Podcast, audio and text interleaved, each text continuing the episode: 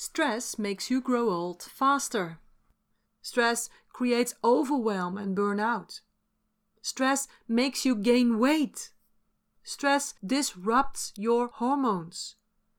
Stress increases the risk of cardiovascular diseases and immune system disorders. Do you have too much stress in your life? If you're a woman in the Western world, or a man for that matter, if you have a family, or a relationship, if you have a job or a business, then I'm pretty sure that you are suffering from at least low grade chronic stress. And if you want to master your energy and stay healthy, you'd better learn how to deal with the stress in your life. And that's what I'm going to teach you in this episode, so stay tuned. Welcome to the Energy Management Show, where you learn how to apply the science behind energy to transform your life. I'm your host, Janine Hofs, an energy master with 26 years of experience. I'm determined to take the woo woo out of energy building and recharging and give you practical advice to help you make that shift on the inside to transform your life on the outside. Because you deserve it.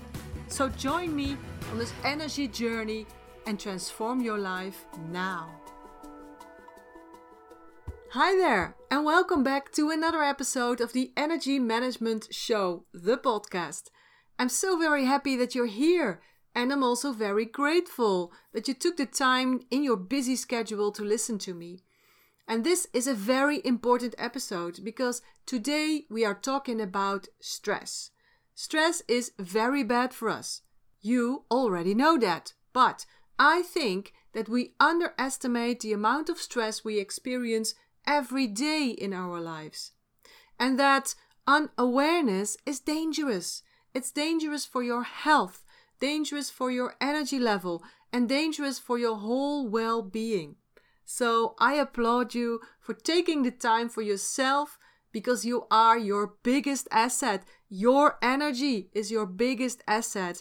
And if you haven't done this already, subscribe to this channel because I will bring you new information on energy management every week and you don't want to miss a thing. So, before we go into how you can tackle the stress in your life, we need to take a closer look at what stress really is and how much stress you experience in your life, according to your brain activity and not according to what you think. Okay, so what is stress? Stress is a very normal reaction to a situation or a trigger that causes tension. This can be both, both positive and negative. So, for example, an argument with your colleague, that's a negative tension. And planning a party for your 40th birthday, that's a positive tension. And it's not bad to have stress. If you have that once in a while, in fact, it's a very healthy reaction. But it gets bad when you are under stress constantly and therefore under constant tension. Compare it with a bow and arrow. You have to put the bow under tension to be able to shoot that arrow. But if you put a constant pressure on it all the time, your bow will break. The tension has to be released regularly. Now, what happens in your body when you experience stress? It's like you unleash a superpower. Your brain is triggered to put your body and mind on high alert to flight, fight, or freeze. And it does that by creating all kinds of chemicals and hormones, and those will make you more alert. So, your heart rate will go up, your blood pressure and the tension in your muscles too, and your body will send sugar and cholesterol to your muscles. All this to get you ready for a big physical and mental effort. Because for your brain, there's no difference between different kinds of tension. For your brain, there's no difference between you almost being eaten by a saber toothed tiger and that angry boss that is yelling at you. For your brain, it's all the same, and it gives the same reaction in your body. It gets your body and your brain ready for a big effort, like running away or fighting a bear. Your body and your brain will be on high alert, And that means that other functions are put on hold to save energy. They stop or they function at a lower intensity, like your immune system, your digestive system, but also your libido. Because reproduction is not that important as you're about to be eaten by a saber toothed tiger. And fighting germs and viruses, if you feel the breath of a big bear in your neck, is also not the priority. Same goes for digesting the breakfast you had. So it's a wonderful system that can save your life, but can you imagine what happens with you if you experience constant stress? What happens to your body, to your immune system, to your digestive system, to your fat burning capacities, for example, and to your libido and your love life. Think about that for a second. And this is only what happens to you on a physical level. When you experience stress, there's also a reaction on energy level. So, what happens to your energy when you are under stress? Energetically speaking, there's a kind of flight, fight, freeze response too. It does that by sending a burst of yang energy upwards to get you in, a, in an alert state. And then you are ready for action. And that's okay when it happens so now and then, especially when you do something with that yang energy. But if you have a regular boost of yang energy going upwards, maybe even an ongoing boost, then this will cost you your yin energy, and that will get you pretty unbalanced. And this is even more important for women as for men, because men are more yang and women are more yin creatures, and therefore they're more prone to yin deficiency problems. On top of that, your energy, your yin energy, will decrease when you grow older. Combine that with the fact that women lose a lot of yin energy every month in their period and also in pregnancies, childbirth, and breastfeeding. So that makes that we women should be extra careful with our yin energy.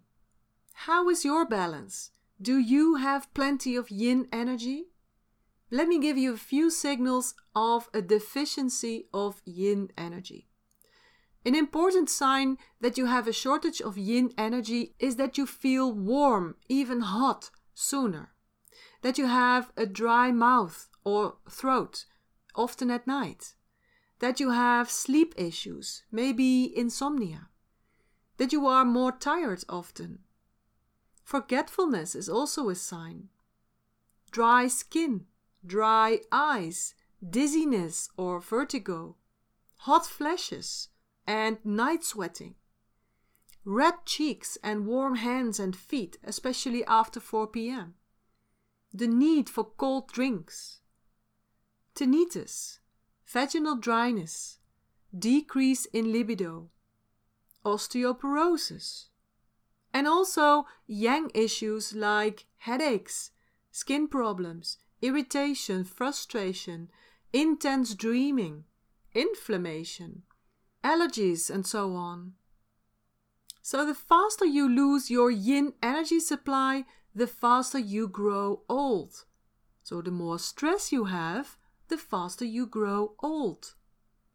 There's another thing that needs to be said about stress that is especially important to women, and that is the effect that stress has on your hormonal balance. Stress immediately triggers your nervous system to produce hormones that make the flight, fight, freeze response possible. It produces cortisol, for example. So, when you are under a lot of stress, you have a chronic production of cortisol. Therefore, your system is constantly in overload. You constantly have a high blood pressure. Your blood sugar level is constantly too high. So, the risk of getting diabetes is much bigger your immune system functions not properly, and you will slowly but surely gain weight. Cortisol is produced by your adrenal glands, so you will exhaust them by never allowing your brain to do nothing, to unwind. Constantly producing cortisol causes them to function less well, And at one point, you will find yourself in a situation in which within one day you will have both too little cortisol, so that means you're tired and, and, and maybe even depressed, and too much cortisol. So then you are hyperactive, probably in the evening.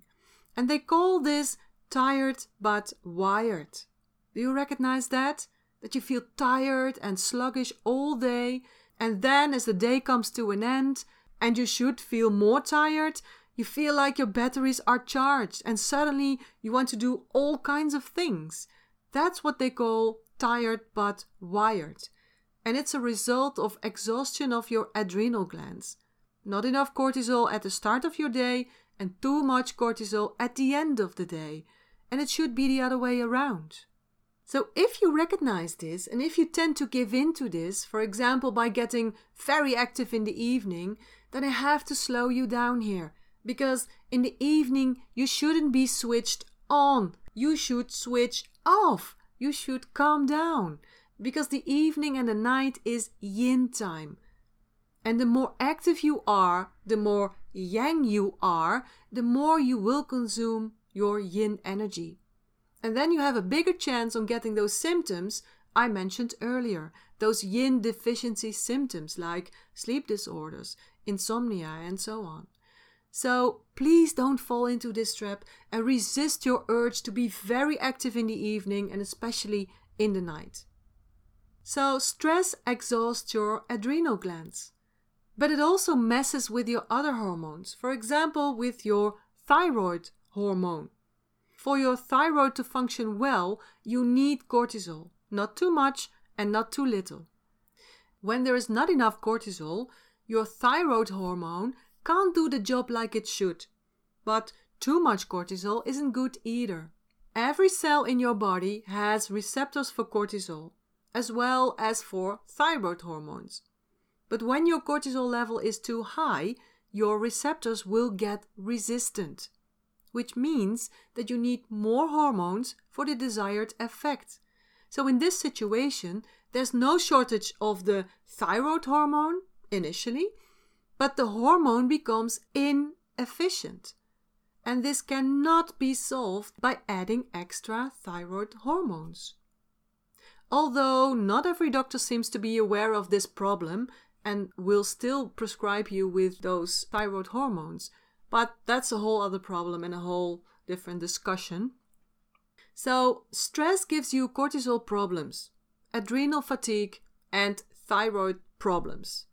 And on top of that, an increased cortisol not only causes resistance of the thyroid receptors, but also of the other hormone receptors like insulin, progesterone, estrogen, testosterone, and even cortisol itself. So, if you weren't convinced yet that you have to address your stress level, maybe I'm getting you motivated right now, because this is no joke. From the age of 35 to 40, the production of estrogen in women decreases. In itself, it doesn't necessarily lead to, to complaints. However, if a woman has chronic stress, the estrogen receptors become resistant, causing hot flashes, while there might not even be a shortage of estrogen. In this situation, if you then give this woman extra estrogen, an estrogen dominance will occur with all the symptoms to go with it, like weight gain, fluid retention, mood swings, and more of those annoying hot flashes. And in addition to that, there will be a much higher risk of disorders linked to estrogen dominance, such as ovarian cancer and breast cancer. Cortisol and progesterone share the same receptors in the cell. So if you produce a lot of cortisol, then progesterone stands no chance. This results in, again, an imbalance between estrogen and progesterone an estrogen dominance, causing a higher risk at estrogen dominance cancers and more PMS symptoms. So, stress makes you grow old faster. Stress creates overwhelm and burnout. Stress makes you gain weight. Stress increases the risk of cardiovascular diseases and immune system disorders. Stress disrupts your hormones. Stress is a cause of increased risk of cancer. So, unless this very hungry saber toothed tiger has an eye on you, stress is not good for you. Now, if stress is not good for you, and at least chronic stress isn't good for you, then what is good for you? What's the opposite of stress? Because I think we don't really know what the opposite of stress is and what that means in our lives. This is how it should go. There is stress, so a peak in hormones, chemicals, and yang energy that prepare you for a flight, fight, freeze. And right after that, there's a period of rest, so that everything can come back to its normal level. Again, this is how it should be a period of stress followed by a period of rest. But what is a period of rest? To get those hormones, those chemicals, and that yang energy back to a normal level again, the brain needs to be free from impulses, from stimuli that needs to process. So let me explain what that means, or better yet, let me give you examples of what this is not. A brain free from impulses and triggers is not browsing through Facebook or any social media. A brain free from triggers and input is not checking your email or Trello or Kanban or, or Asana.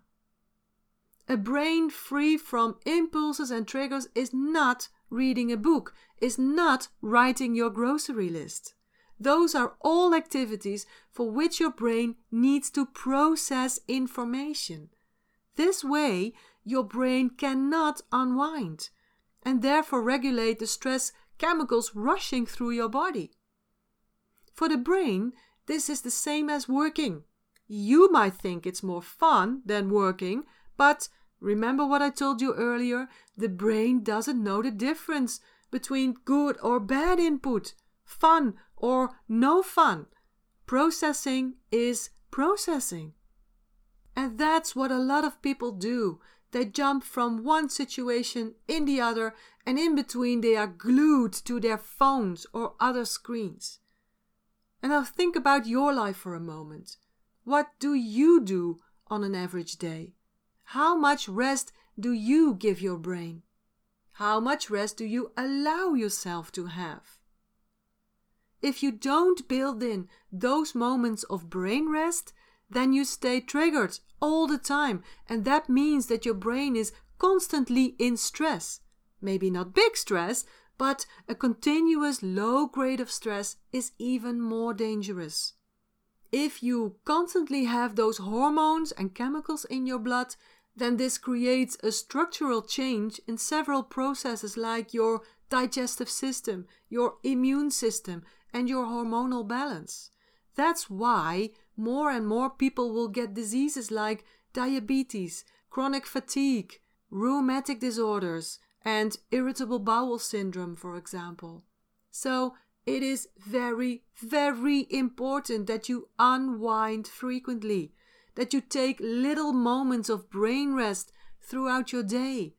And remember, brain rest doesn't involve any kind of screen, little screen or big screen. So, when I was preparing for this episode, I was thinking, what tip or exercise can I give you to help you with that? And there are so many things and exercises I can teach you, but chances are that I give you even more stress if I give you too many things to do.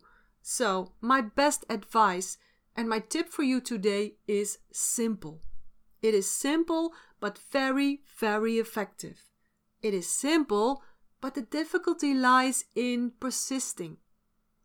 It's not difficult to do the actual exercise, but you might find it difficult to do this daily. And if that is true for you, then please listen to this episode again. Listen to what I told you about stress and how it can damage your health, your energy, your whole well being.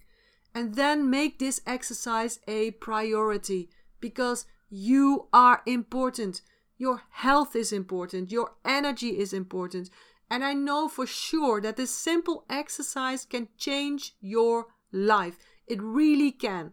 But for that to happen, you need to allow yourself to take those few minutes a day and let your brain rest.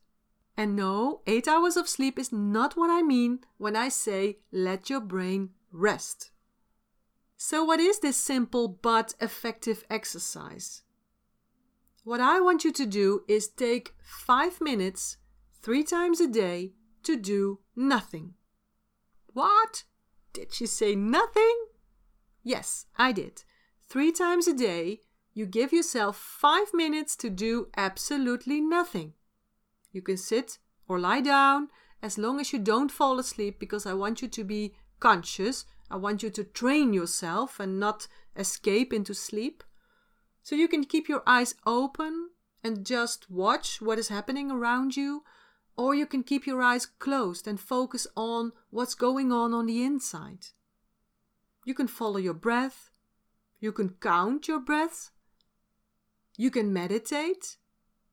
Doing a meditation in these three times five minutes has an extra advantage because besides allowing your brain to rest, you train your brain to stop the thinking process. So that's a double advantage. So you see, the exercise itself is not difficult. The challenge is doing this three times a day for five minutes.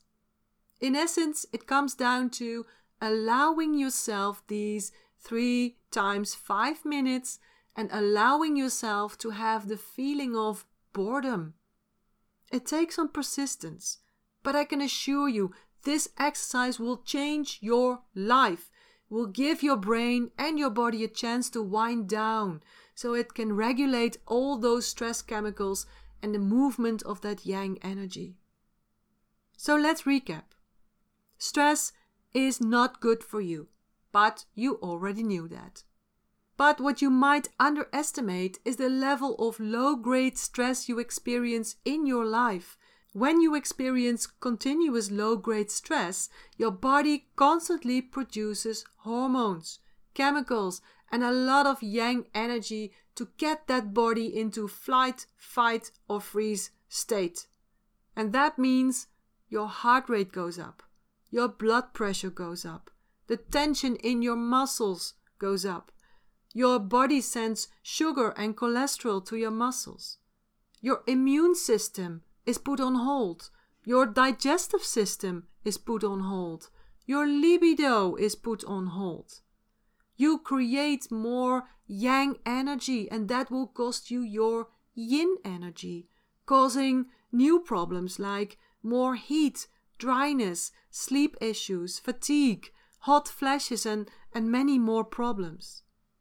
You'll constantly produce cortisol, and therefore you're depleting your adrenal glands. And then you get tired but wired. Your thyroid metabolism will get disturbed, as well as your insulin, progesterone, estrogen, testosterone, and cortisol production. This can create an estrogen dominance and that means that you are at a higher risk of estrogen dominance cancers like ovarian cancer and breast cancer. So please believe me when I say that continuous, even low grade stress is dangerous for you, for your health, for your energy, for your whole well being. And in order for you to recover from these stressy moments, you need to have regular moments of brain rest every day. And brain rest doesn't mean checking social media, checking your email, or even reading a book. So I really, really hope that you're going to try this exercise I gave you. And not try it, but do this exercise because if you want to master your energy so you can master your life, you need to find a way to deal with stress, with low grade, continuous stress because you are worth it. You deserve a life without the overwhelm of stress, a life full of health, full of energy and bubbles. Well, this is it for now. I hope I have inspired you to take action. And if you did, let me know. Send me a message. Or even better, write me a review on iTunes. I would love that. I'll be back next week with more information on how you can become the master of your energy so you can master your life and get a grip on your energy and on your life. So, see you next week. Bye for now.